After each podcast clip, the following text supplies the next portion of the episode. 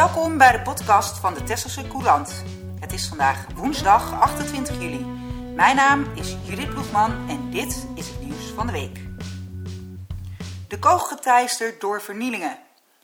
Ondernemers in de koog zijn helemaal klaar met alle vernielingen die de afgelopen tijd in en rond de badplaats zijn gepleegd. Ook afgelopen weekend was het weer raak. De nieuwe metalen plantenbakken werden omgegooid en strandhuisjes bij paal 20 werden ernstig vernield. Ondernemers klagen dat ze niet serieus worden genomen.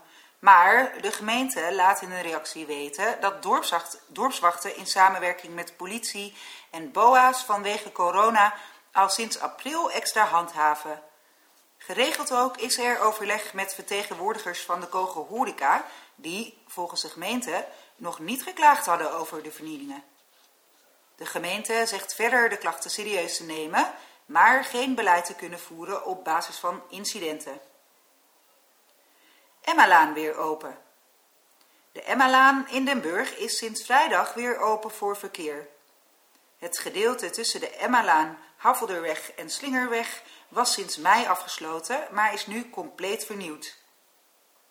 Eerder al waren het riool en het wegdek ter van het gemeentehuis vernieuwd. Ook waren oversteekplaatsen gerealiseerd. Na de vakantieperiode worden de laatste werkzaamheden op het parkeerterrein van het gemeentehuis afgerond. Parkeren blijft dan mogelijk, belooft de gemeente. Oude gasfabriek wijkt voor woningen. Een plan voor nieuwbouw op de plek van de oude gasfabriek aan de Julianastraat in Den Burg is door het college positief beoordeeld. Het gaat om een gebouw met vijf woningen passend in het straatbeeld. In de vormgeving, naar een ontwerp van LA-architecten uit Veghel, keren bestaande kenmerken van het pand terug, zoals het Jugendstil tegeltableau. De doelgroep wordt gezocht in het middensegment van de woningmarkt.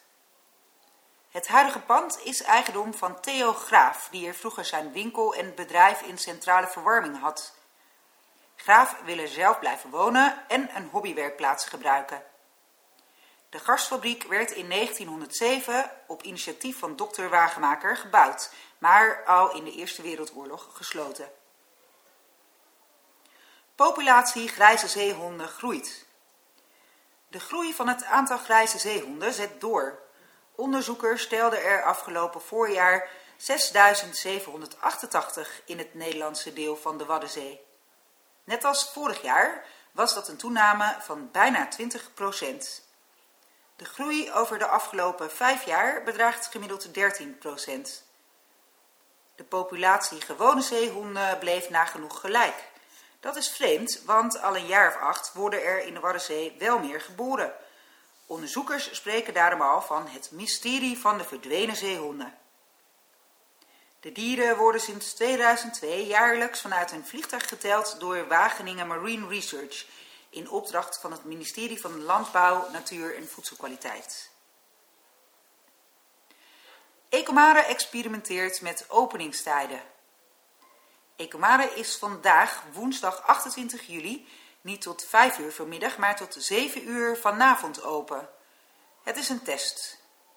Ecomare wil graag weten in hoeverre mensen die overdag niet meer terecht kunnen, wat later in de middag alsnog willen komen. Ecomare probeert via allerlei kanalen duidelijk te maken dat online reserveren noodzakelijk is. Toch staan er nog geregeld bezoekers zonder kaartje voor de kassa. Wanneer alle tijdsloten dan al verkocht zijn, mogen zij niet naar binnen. De test van vandaag moet uitwijzen of bezoekers gebruik willen maken van de ruimere openingstijden, zodat op één dag meer mensen van de dieren en de tentoonstellingen kunnen genieten. Rondrit met oude trekkers door Den Burg. De Stichting Landbouwhistorie Tessel verzorgt zondag 1 augustus een rondrit met oude trekkers en antieke werktuigen door Den Burg.